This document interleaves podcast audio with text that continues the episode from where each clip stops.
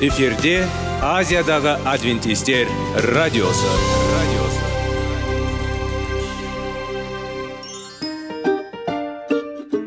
сәлем достар. Денсаулық өмір бұлағы және біздің бірінші байлығымыз демекші денсаулық сағаты рубрикасына қош келдіңіздер.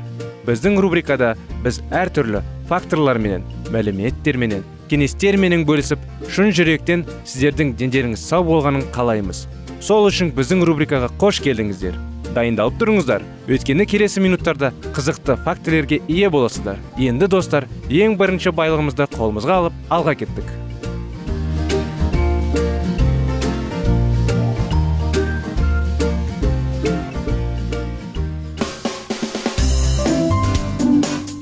Денсаулық туралы хабар. Денсаулықтың ашылуы. Күн сайын сөз үшін күшті кеңестер соңғы жаңалықтар қызықты факторлар. Біздің рубрикада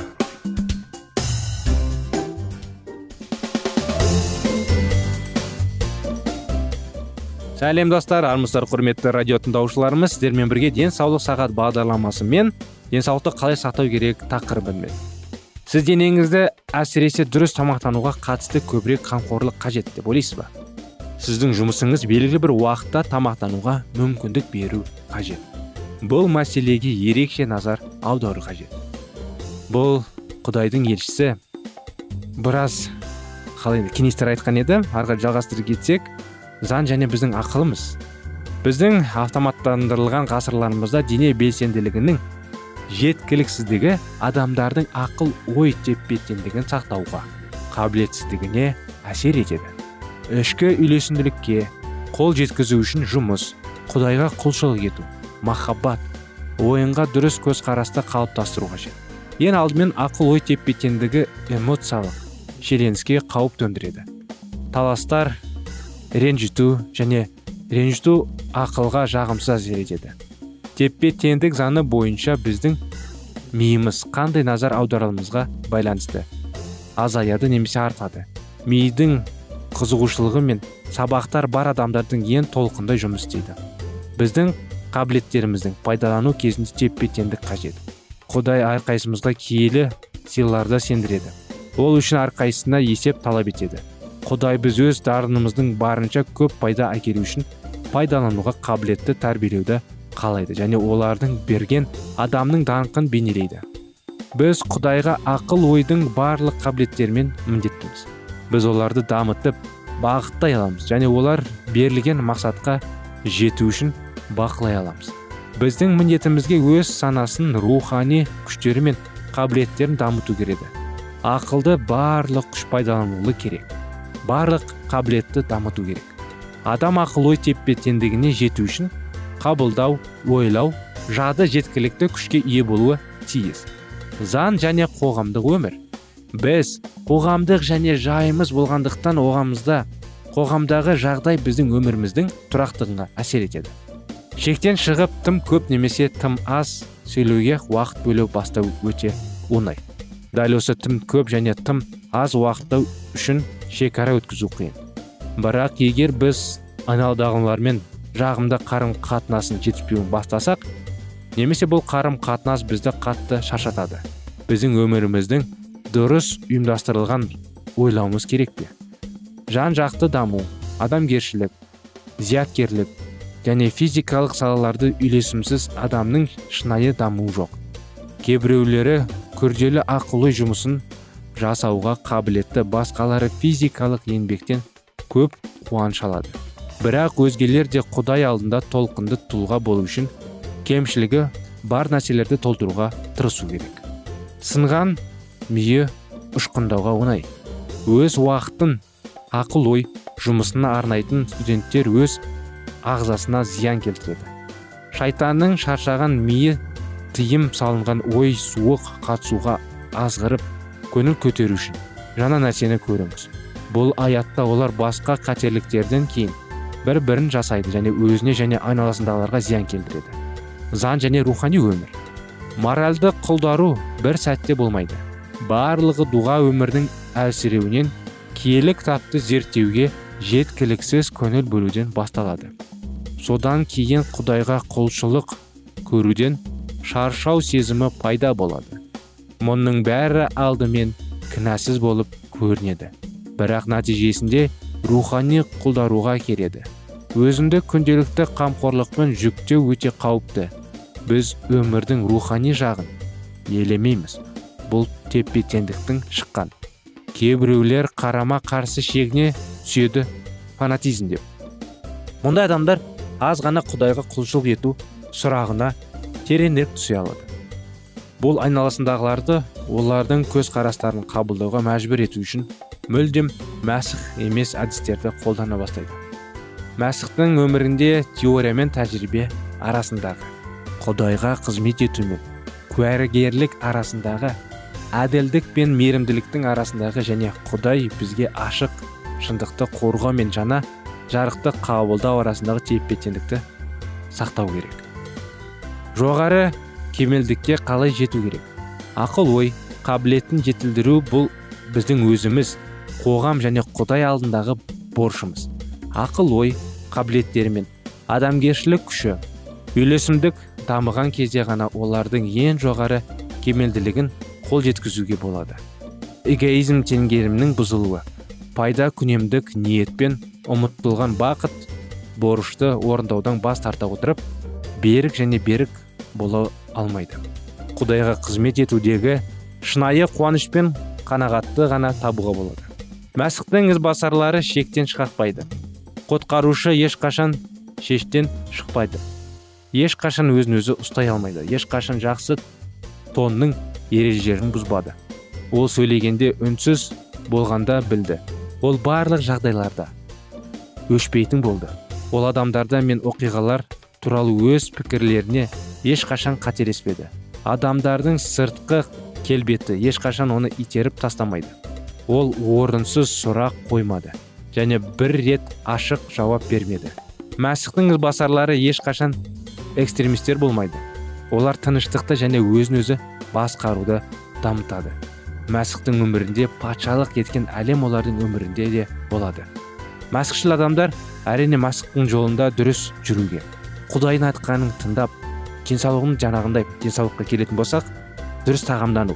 Өйткені кей кітапта да басқа кітаптарда да біздің рухани кеңестер беріледі.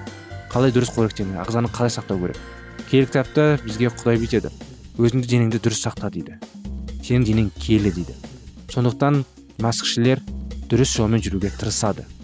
Сондықтан біз де дұрыс жолмен тырысып денсаулығымызды дұрыс сақтауға тырысып әрдайым көңіліміз керемет бақытты құдаймен өмір сүруге тырысайық.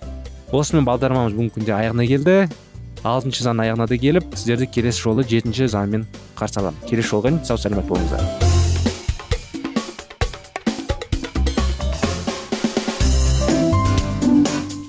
Денсаулық туралы хабар. Денсаулықтың ашылуы. Күн сайын сөз үшін. Күшті кеңестер соңғы жаңалықтар қызықты факторлар біздің рубрикада.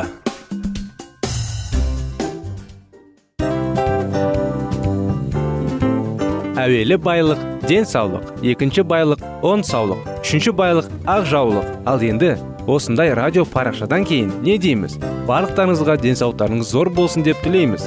Денсаулықтың өзгеруі кішкентай нәрселерден басталады. Осымен біз берген кеңестер мен мәліметтер шын жүректен сіздер үшін қандай да бір болсын жәрдем берді деп үміттенеміз. Тыңдаушыларымызбен келесі радио парақшасына дейін қоштассамыз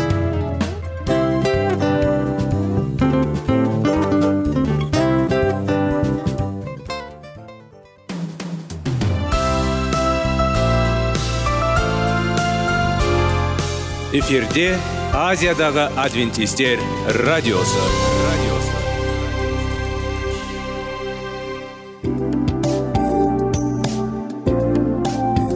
Сәлем достар.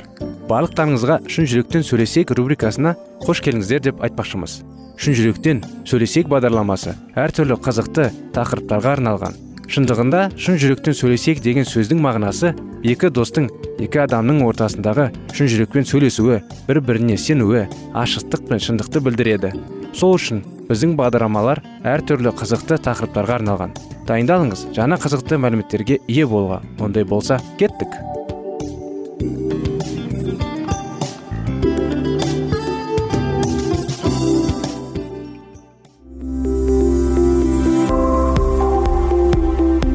Алтын сөздер. Сырласу қарым қатынас жайлы кеңестер мен қызықты тақырыптар. Шын жүректен сөйлесейік рубрикасында.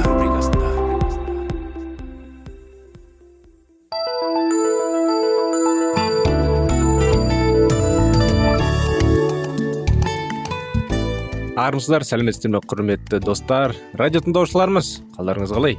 Мінекей сіздермен бірге шын жүрекпен сөйлесейік бағдарламасы.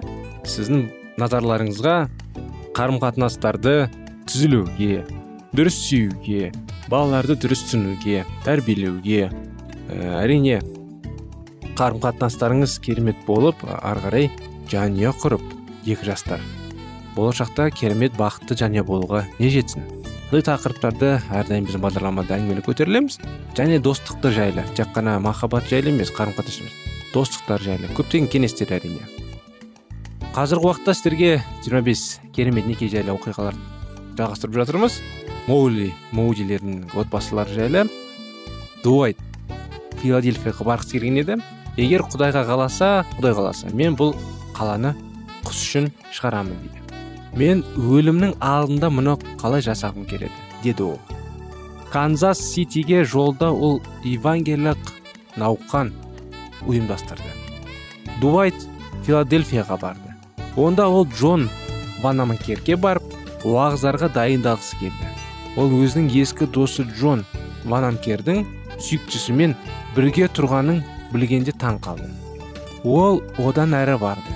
Бірақ екі аптадан кейін кеудеге қатты ауырсыну оны қызметтен босатып нортфилдегі үйге оралуға мәжбүр болды. Бір айдан кейін 1899 жылдың желтоқсанында өкінішке орай қайтыс болды. Дуайтта жерленгеннен кейін эмма өмірге деген қызығушылығын жоғалтты. Бұл оның денсаулығына да әсер етті. Ол нефриттен зардап шекті және ол қолымен жаза алмады. Ол өмірінің соңғы екі жылы сол жақ жазуға үйренді.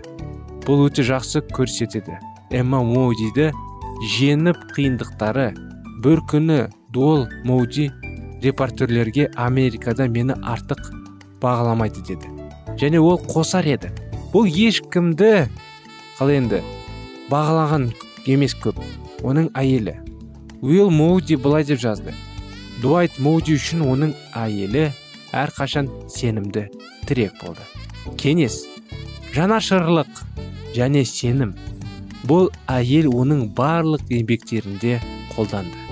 Және оның әрбір күші оның парасаттылығымен тактпен және жанқиярлығымен асып түсті. Эмма дуайттың жетіспейтінін толықтырып оның білген және балық алған.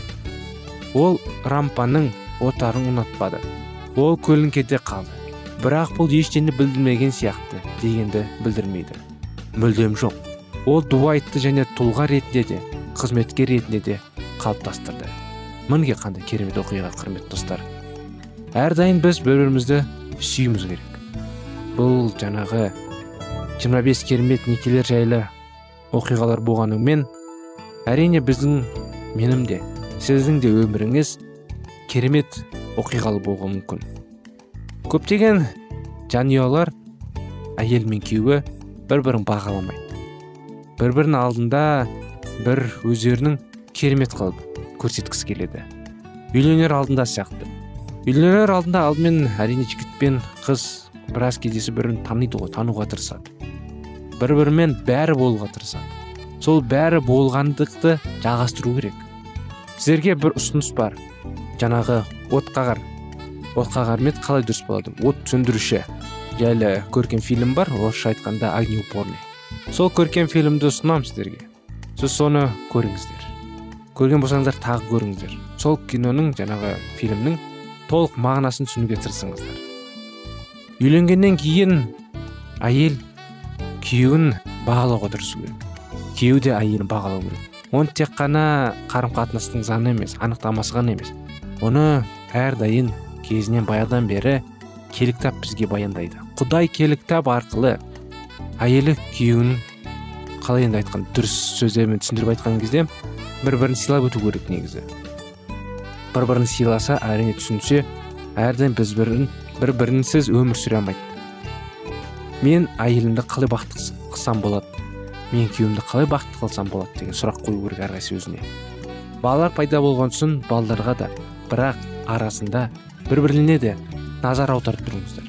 Бала пайда болған кезде әрине бірінші жылдары үйленгеннен кейін өте ары қарай кішкене кішкене қиындау болады. Бірақ әр жанұяларда әрқалай барлық жанұялардың аттарын айта алмаймын. Бірақ расында да қиыншылықтар көп болынады жастар өздері үшін әлі өмір сүріп үлгерген жоқ. Бұнда балдар пайда болды. Күйеу әрдайым жұмыста жұмыстан келеді балалар еркелеп жылап миды ашып дегендей. Әйел аздан кешке дейін балалармен жүріп шаршау шаршайды ол да. Әрине бір біріне уақыт таппайды. Сол уақытты табуға тырысу керек. Бәрін жоспарлау керек. Күнделікті күндерді жоспарлап. Ата аналарыңызға болмаса жаңағы балаларыңызды кішкене есейген ата аналарыңызға қалдырып өздеріңізге уақыт бөлу керек. Ең болмаса жарты сағат. Бала өсе өсе әрине уақыт көбейеді. Сол жарты сағатыңыз кейін қырық минут бір сағат. Енді өздеріңіз шамаларыңызға қарайсыз ғой. Екеуіңіз қол ұстасып сыртқа шығыңыздар. Есік алдында серуендеңіздер. Балмұздақ алып балмұздақ алып жеңіздер. Бір біріңізге назар аударып бір біріңізбен әңгімелесіп күндеріңіз қалай өтіп жатыр? Қандай алдыңызда мақсаттар бар? Сол мақсаттарға қалай жетуге болатын сияқты анықтамаларды қалай енді. Сөйлеп әңгімелегенге не жетсін? Мінекей бүгінгі күнде осындай кеңестер сіздердің назарларыңызға құрметті достар. Бір біріңізді бағалаңыздар сүйіңіздер. Сіз қалай енді екі жақтан екі жанұядан келген бір бүтінсіздер құдай айтады киелі кітапта. Екеуі бірігіп бір бүтін болады дейді. Сондықтан сіздерге осындай кеңес бірге бүтін болуға тырысыңыздар ұрыспаңыздар. Ұрыссаңыздар да бір біріңізді кешіріп өйткені кейбір адамдар кешіруге көкіректенеді кешірім сұраңыздар. Ер адамсыз ер адамсыз ғой. Бірінші барып кешірім сұрап қал жағдайыңызды сұрап нелікке олай болып қалды? Барлық анықтаманы толық түсінуге сол қиындықты түсініп оны шешуге тырысыңыздар. Осымен бүгінгі бағдарламамыз аяғына келді құрметті достар. Келесі жолы жаңа оқиғамен сіздерді күтеміз. Бағдарламамыз аяғына келгенмен келесі жолға дейін сау болыңыздар дейміз.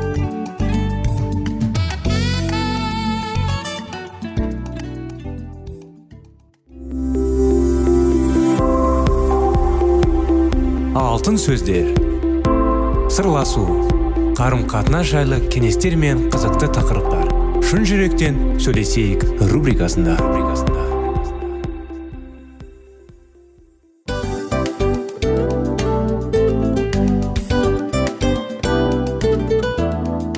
Құрметті достар барлық ең соңғы кеңестер аяқталған соң біздің программамыз соңына келіп қалды. Осы біздің мәліметтер осы рубрикада айтылған әрбір сөздер сіздерге өзінің қандай да бір пайдасын алып келді деп шын жүректен сенеміз. Және бұдан да көптеген рубрикаларымыз бар.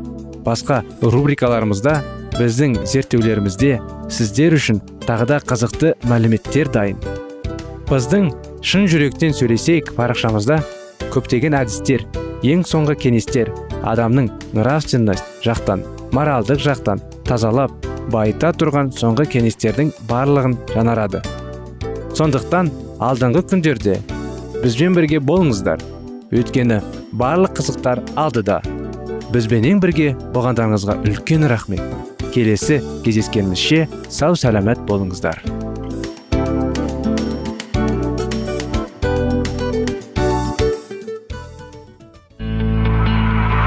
Жан дүниеңді байытқан жүрегіңді жаңғыртқан өмірдің мағынасын ойландырған рухани жаңғыру рубрикасы.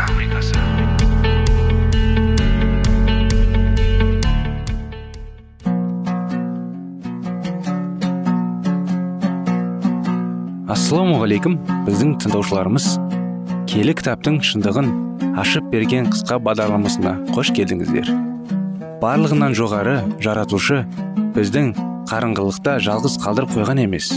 Өйткені ол келешекте не болу керек екенін кітаптың парақтарында ашып береді. Немесе келіңіздер бізге қосылыңыздар. Жаратушы бізге нен ашып бергенін зерттейміз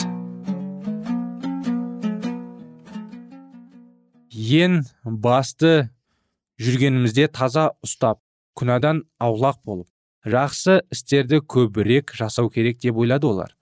Салуат айту арқылы күнәға деген бейімділіктерін жеңбек болды. Мінекей уэсли және оның серіктестерінің пікірлері осындай болатын. Жақсы істерімен кейлікке жетеміз деп қанша тырысқандарымен бұл әрекеттерінің түк шығара алмады. Бір кездері эрфурт монастырының келесінде лютерде дәл осындай шайқасты басынан өткізген. Адам құдайдың алдында қалайша ақтала алады. Деген сұрақ олардың жандарын қатты күзейтті. Протестантизмнің михрабында сөніп қалған жаратқаның алуы богемия мәсіхшілерінің ұрпақтарына қалдырған ежелгі шырғаның тұтануға тиісті болды. Реформациядан кейін богемиядағы протестантизм рим ордасымен басылып басталған болатын. Ақ ақиқаттан бас тартқысы келмеңдер. Қашып құтылуға мәжбүр болды. Саксонияға келіп бас сауғалып жүрген осы мәсіхшілердің ұрпақтарынан уэсли және оның серіктестері ақиқат нұрын қабыл алды. Джон және чарльз уэсли құдай жолында қызмет атқаруға тағайындалғандарынан кейін олар миссионерлік жорылықпен америкаға аттанды.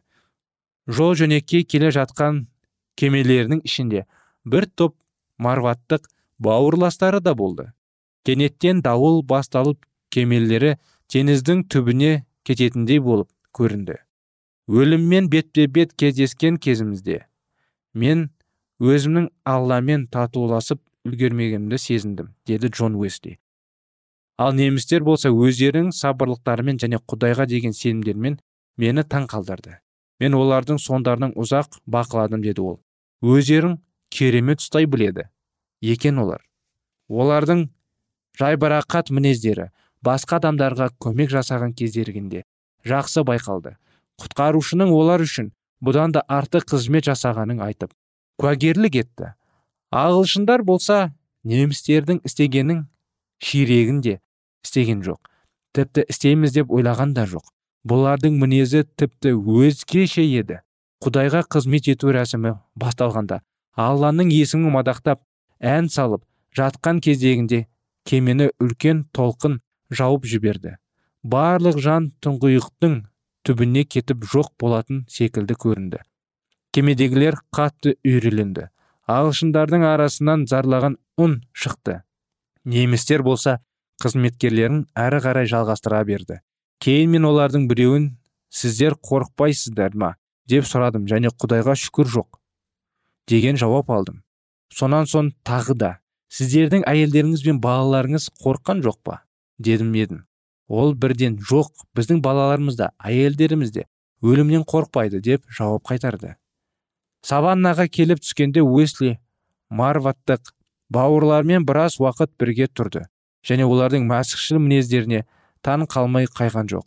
Олардың құдайға қызмет етулері ағылшындардың жансыз формализмдерінің мүлдем өзгеше болды. Құдайдың қызметтілерінің керемет қарапайымдылығы.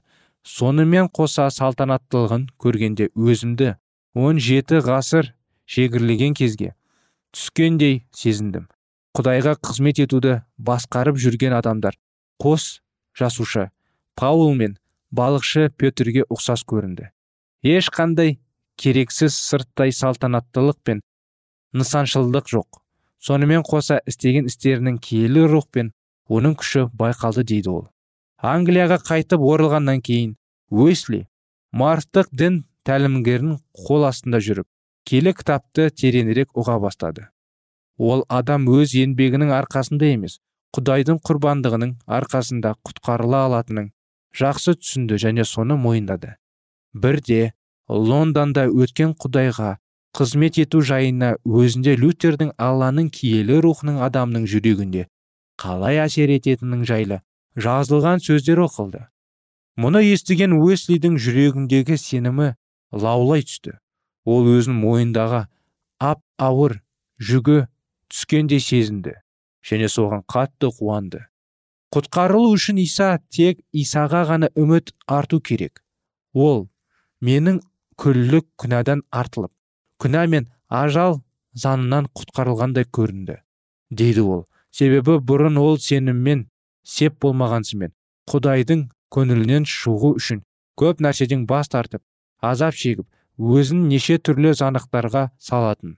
Енді міне уэсли тірі құдайды жана ғана тапқандай болды.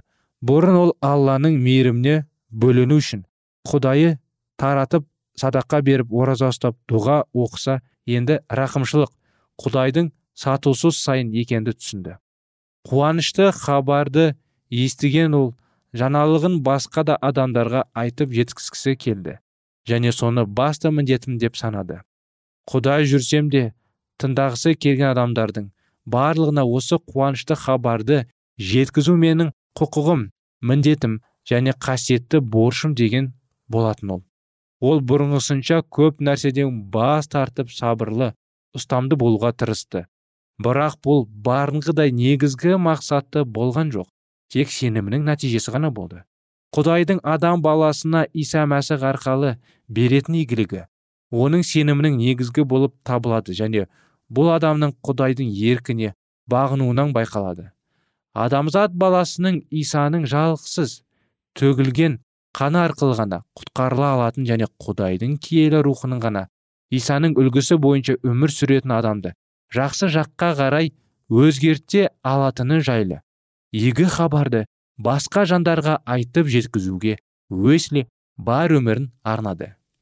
Уитфилд пен ағайынды уэслилер исаның ер жүрек жауынгерлері ретінде неше түрлі сынақтан өтуге университет қабырғасында жүрген кездерінен бастап дайын болатын. Олар неше түрлі қорлықтан мысқылданудан тәлкеліктен жәбірлеуден қуғындаудан өтіп өздерінің аянышты сорлы күйлерін анық сезініп болашақтағы қызметке пісіп қатып жетілді. Атеист құдайға сенбейтін. Достары оларды сол кезінде өзінде ақ методистер деп атап кеткен.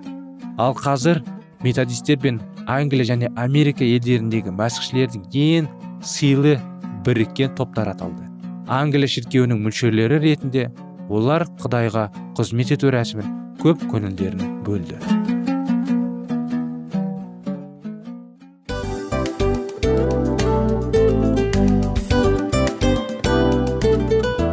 мынау осы уақыт тез өтіп кетеді екен біздің бүгінгі рубрикалардың аяғына да келіп жеттік ақпаратымызды парақшамызды қазір ғана бастаған сияқты едік соңында да келіп қалдық уақыт деген тегі білінбей өтіп кетеді екен бүгінгі 24 сағаттың алтындай жарты сағатын бізге бөліп арнаған үшін рахмет.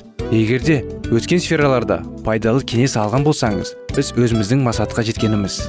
Кеңестерді қолданам десеңіз өзгерістерді кішкентай қадамдардан бастап іске асыра беріңіздер де жасағандарыңыз үлкен үлкен жетістіктерге жете берсін.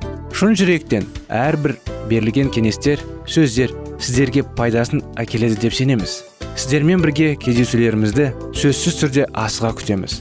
Сәтті күн тілеп сіздер менің ұзаққа қоштаспай келесі кездескенімізше тек қана сау саламатты болыңыздар дейміз. Достар біздің бағдарлама бойынша сұрақтарыңыз болса әрине сіздерге керекті анықтама керек болса біздің whatsapp нөмірімізге хабарлассаңыздар болады. Плюс бір үш жүз бір жеті жүз алпыс алпыс жетпіс. Иә достар сіздер қателеспедіңіздер бұл біздің номерлерге ұқсас болмаса да бұл whatsapp номер арнайы. Хабарласыңыздар сұрақтарыңызды қойып тұрыңыздар. Анықтаманы алып тұрыңыздар. Плюс бір үш жүз бір жеті жүз алпыс алпыс жетпіс whatsapp номері.